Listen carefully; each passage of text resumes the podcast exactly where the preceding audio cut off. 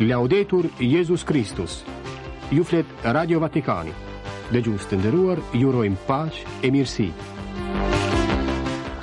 Në fillim të programit të 21 shkurtit argumentet kryesore Imzot Gjergj Meta ipeshkvi i Rrëshenit është kryetari i ri i konferencës ipeshkvnore katolike të Shqipërisë Vendimi u mor dje nga tetëmbëdhjetë shkurti me Papën Françesku, ushtrimet shpirtërore na bëjnë të zbulojmë sa na do Zoti.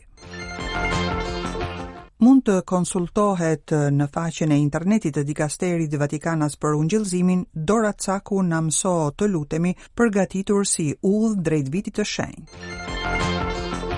Udha e kryqit e të krishterëve të Gazës, famullia sërish nën bomba, siç dëshmojnë murgeshat dhe rregulltarët që jetojnë me të shpërngulurit. Meditimi i kreshmëve i predikatarit të shtëpisë papnore kardinalit Raniero Cantalamessa. Sot ai i përgjigjet pyetjes po ti A beson? Më 21 shkurt kalendari kishtar kujton Shën Pier Damianin ipeshkëv e dijetar i kishës e lajme të tjera. Një përshëndetje të përzemërt nga redaksia e gjuhës shqipe në studio Ana Luka, Katrina Nushi e Klaudia Bumçi. Nga aktiviteti i Papës dhe i Vatikanit.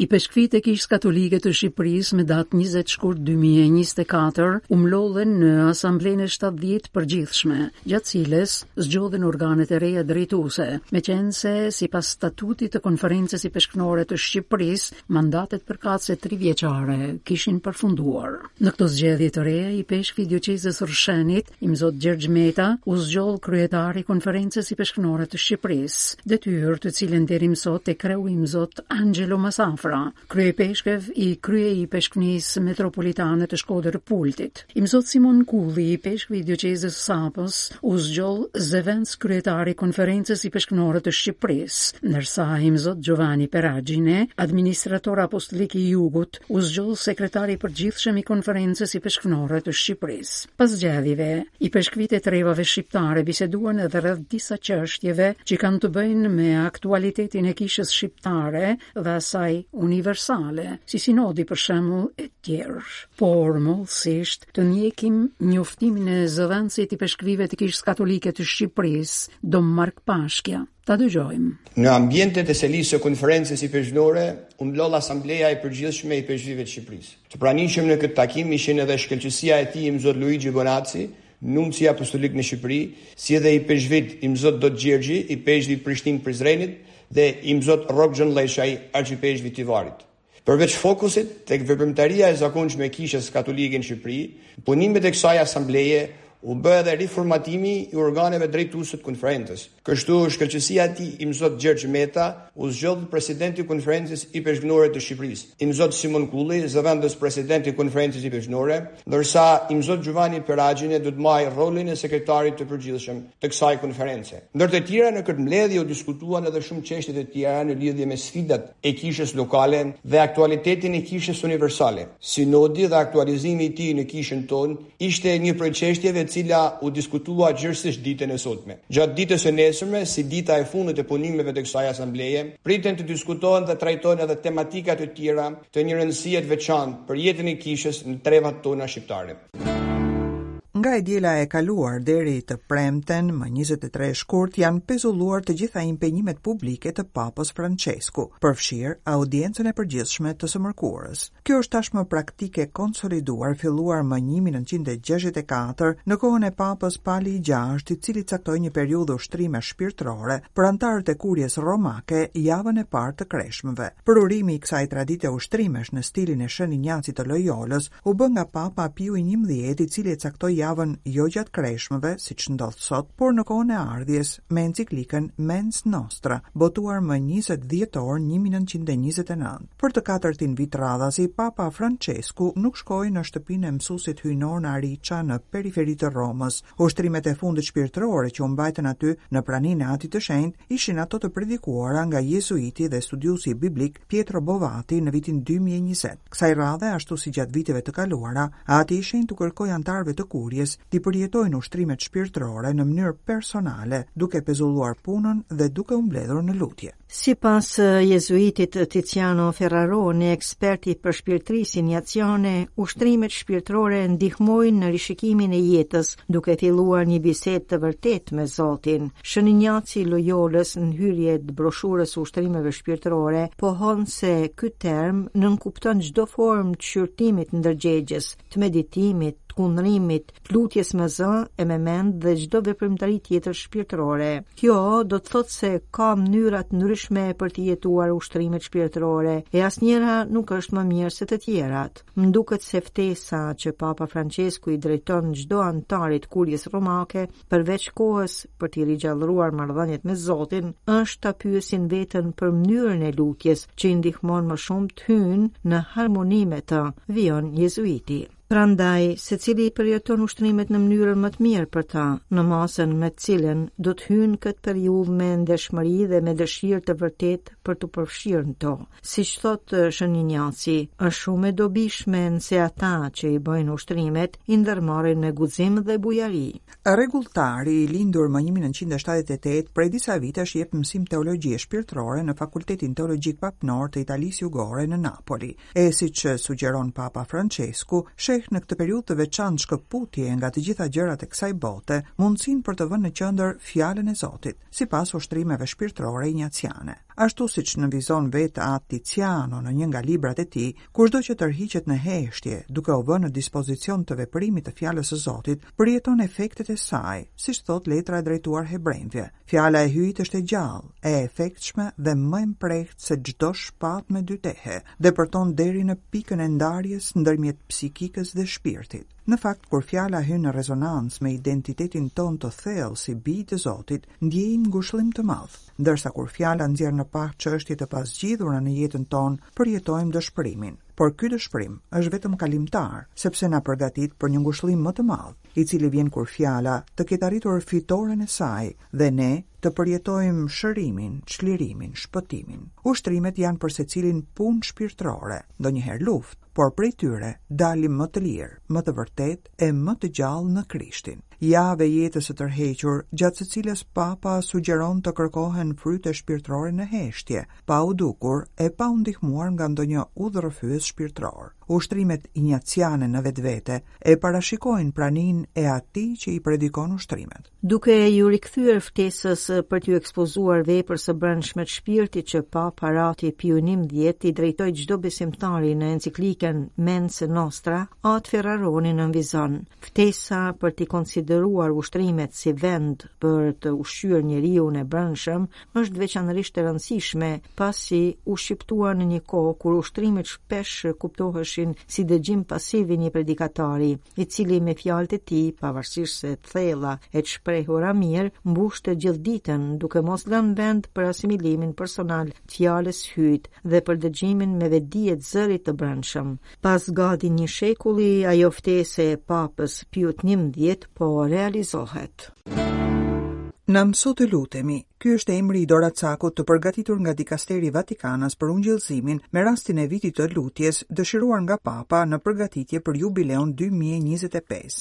Aktualisht ai mund të konsultohet në portalin e dikasterit në italisht, por së shpejti do të mund të shkarkohet edhe në spanjisht, portugalisht, frëngjisht, anglisht, polonisht. Është pjesë e një sërë mjetesh të menduara për t'i shoqëruar bashkësitë e krishtera dhe besimtarët drejt Vitit të Shenjtë. Broshura, titulli i së cilës është marrë nga kapitulli njëmbëdhjetë i Ungjillit sipas Lukës, frymëzohet nga mësimet e Papës Françesku dhe synon të jetë ftesë për ta intensifikuar lutjen si dialog personal me Zotin, në mënyrë që secili të reflektojë mbi fenë dhe impenjimin e tij në botën e sotme, në fusha të ndryshme në të cilat jemi thirrur të jetojmë, në mënyrë që të marrë hov të ri ungjillëzimi i njeriut modern. Gjithashtu jepen indikacione dhe këshilla për të jetuar më plotësisht dialogun me Zotin në marrëdhëniet me të tjerët, përmes seksioneve të ndryshme në të cilat ndahet doracaku. E në faqet e para të doracakut kujtohet se në katekizmat e tij Papa ka theksuar në disa raste se lutja është mënyra për t'u vënë në kontakt me të vërtetën më të thellë të vetvetes, ku është e pranishme vetë drita e Zotit, siç mësonte Shën Agustini. Ati i Shenjtë na inkurajon të lutemi me këmbëngulje, sepse lutja e vazhdueshme e shndërron jo vetëm individin, por dhe bashkësinë që e rrethon, edhe aty ku duket se mbizotëron e keqja. Lutja pra të jetë për çdo të krishterë busulla që orienton, drita që ndriçon rrugën dhe forca që e mbështet në shtektimin, i cili do ta çojë në kapërcimin e Portës së Shenjtë të jubileut, pohohet më tej në hyrjen e doracakut. Lutja nënvizohet është mjet për të mbërritur me zemrën e gatshme për të mirëpritur dhuratat e hirit dhe të faljes që do të na sjellë jubileu. Pikërisht për këtë arsye, Dikasteri për Ungjillëzimin bën ftesë për lutje në një dialog të vazhdueshëm me Krijuesin, duke zbuluar gëzimin e heshtjes, paqen e lëshimit në dorë të Zotit dhe forcën e ndërmjetësimit të bashkësisë së shenjtorëve. Kapitulli i parë i Doracakut i kushtohet mësimit të Papës Françesku për lutjen, i dyti mënyrave të ndryshme të lutjes, ndërsa kapitujt në vijim kanë të bëjnë me lutjen në bashkësinë famullitare, lutjen në familje, lutjen e të rinjve, me ushtrimet shpirtërore kushtuar lutjes, katekizmin mbi lutjen, me lutjen e klaustralëve, lutjen në shenjtrore dhe së fundi paraqitet lutja e besimtarëve për jubileun 2025. Zbrazini menjëherë lagjet Cajtun dhe Turkman të qytetit të Gazës, nëse nuk dëshironi të mbeteni mes luftimeve.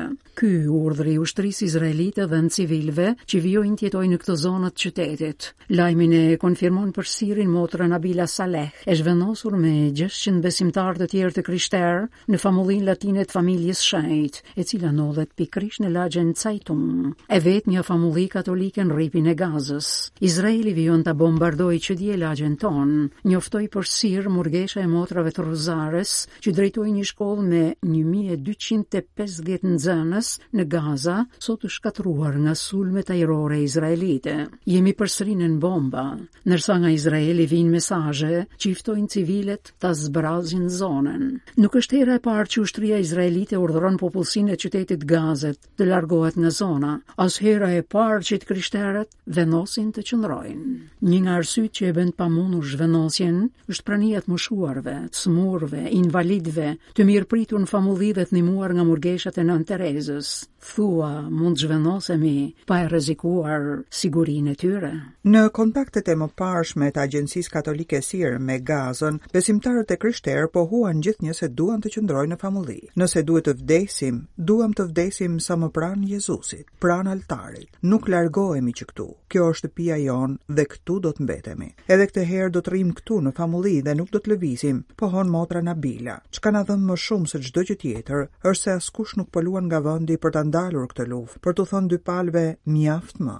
Bashkësia ndërkombëtare nuk ka guxim. Ndërkohë këtu civilët po vdesin nga bombat, nga uria, nga një mijë vështirësi. Çfarë duan tjetër nga njerëzit e varfër? Atë Gabriel Romanelli, famullitar i Gazës nga Jeruzalemi, ku u bllokua që nga 7 tetori, pikërisht për shkak të luftës dhe nuk mund të kthehet në mesin e besimtarëve të famullisë së tij, kujton, duke folur për Sir, udhën e kryqit të të krishterëve të Gazës dhe të popullsisë civile që jeton atje. Në lidhje të vazhdueshme me zëvendës famullitarin e tij, atë Josef Assad, Famulitari shpjegon se situata po keqësohet çdo ditë, çdo orë, pas çdo minuti, pas çdo sekondi që kalon numri i vdekjeve rritet. Numri i sotëm që nga fillimi i luftës është të paktën 29.195 të vdekur dhe 69.170 të plagosur sipas Ministrisë së Shëndetësisë së Hamasit. Edhe në famulli kushtet e jetesës po bëhen gjithnjë më të vështira.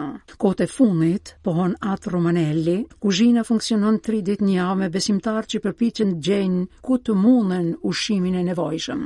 Për të gatuar bukën përdoret mielli i pasitur, i vetmi që gjendet në këto kohë. Kjo atmosferë që rëndon mbi supet e 600 të krishterëve të shpërngulur e të mbyllur në dhomat e famullisë prej më se 4 muajsh, Janë të lodhur, të trishtuar, zemërthyer, nuk kanë kurrfarë të ardhmeje para syve, por pavarësisht nga kjo, bëjnë të pamundurën për kë ka më pak, për familjet që jetojnë pranë famullisë, për turmën e të uriturve. Të premten e kaluar vijon atë Romanelli, ata kremtuan ditën e parë të këtyre kreshmëve, kreshëm lufte. Unë u përpoqa të lidhem me atë Jusefin për t'u lutur së bashku në çdo stacion, Jemi lutur për viktimat e kësaj lufte, për paqen, për ata që vuajnë, për ata që kanë humbur gjithçka dhe gjithkënd. Për të gjitha këto mundime, Zoti na dhëntë paqe, drejtësi dhe dinjitet. Në këto kreshmë, përfundon motër Nabila, jemi gjatë gjithë udhës së kryqit pranë Jezusit, i cili ishte i pari që ndau me njerëzit vuajtjet njerëzore. Kemi besim tek ai, që e ka në dorë historinë, e i kërkojmë dhuratën e paqes. Lutuni me ne, për ne dhe për Gazën. Sot, 21 shkurt, kalendari kishtar përkujton Shën Pjer Damianin, ipeshkëv e dijetar i kishës, personalitet i pasur dhe i ndërlikuar i kishës së mesjetës, gjeni i teologjisë, mjeshtër i jashtëzakonshëm i pendës, njeri që shkroi faqe të paharrueshme aktuale për bukurinë e Zotit, për dashurinë e Krishtit në kryq, për vlerën e heshtjes së shpirtit. Reformator i shenjtë dhe doktor i kishës e luftoi simoninë dhe korrupsionin që u përhap në klerin e kohës së tij. Shën Pjer Damiani është ndër shenjtorët që takojmë në parajsën e Dantes. Piero u lind në Ravena në vitin 2007. Fëmija i fundit i një familje të madhe, jetim nga i ati, U edukua nga i vëllai i madh Damiani. Pas studimeve në disa qytete të Italisë dhe pas mësimdhënies në Universitetin e Parmës, hyri në manastir. Në vitin 1057, Papa e thirri në Romë për ta ndihmuar në një kohë të vështirë ndasish, kur kisha ishte e goditur nga simonia. U emërua ipeshkëv i Ostias e pastaj kardinal dhe ndihmoi gjashtë papë, njërin pas tjetrit, për të ndrequr moralin e kishës. të njohura shkrimet e Shën Pjer Damianit mbi Kryqin e Krishtit e mbi jetën e oshënarit, reflektime që kthehen në rregull për të formuar bashkëvëllezërit e tij kamaldolezë në shekuj deri në ditët tona. Bashkimi intim me Krishtin impenjon jo vetëm murgjërit, por gjithë pagëzuarit. Gjejmë këtu një thirrje të fortë edhe për ne që të mos e lëmë veten krejtësisht në dorën e trazirave, problemeve, shqetësimeve të përditshme, duke harruar se në qendër të jetës sonë duhet të jetë gjithnjë Jezu Krishti. Në këtë javë në të cilën Papa Françesku dhe bashkëpunëtorët e tij të Kuries Romake janë të impenjuar me ushtrimet shpirtërore të kreshmëve, Vatikan News propozon nga nëntëmbëdhjetë deri më njëzet e katër shkurt një reflektim të përditshëm të predikatarit të Shtëpisë Papnore, kardinalit Raniero Cantalamessa. Mund ta gjeni edhe në Facebook-un tonë në shqip. Në botë, nënvizon kardinali Cantalamessa, ka pak fjalë që mund të thuhen në një minutë, të mjaftueshme për të mbushur një ditë, madje një jetë. ato që dolën nga goja e Jezusit. Do t'jua propozoj një nga një duke ju kërkuar t'i përtypni gjithë ditën si një lloj çamçakëzi të shpirtit, shpjegon kardinali françeskan kapuçin. Sot pyetja që i bën Jezusi motrës së Lazarit para varrit të vëllait të vdekur, ti a beson? Lëre për një çast mënjanë, gjithçka mësove përmendsh në katekizëm dhe përsërit në Besojmë, nënvizon kardinali në meditimin e tij. Hyr në skutën e fshehtë, ku je vetëm ti dhe Zoti. Hyr e pyete veten, a besoj? A kam besuar ndonjëherë me të vërtetë, personalisht, e jo vetëm përmes ndërmjetësimit të një pale të tretë, qoftë edhe përmes Kishës Universale? Shën Pali shkruan,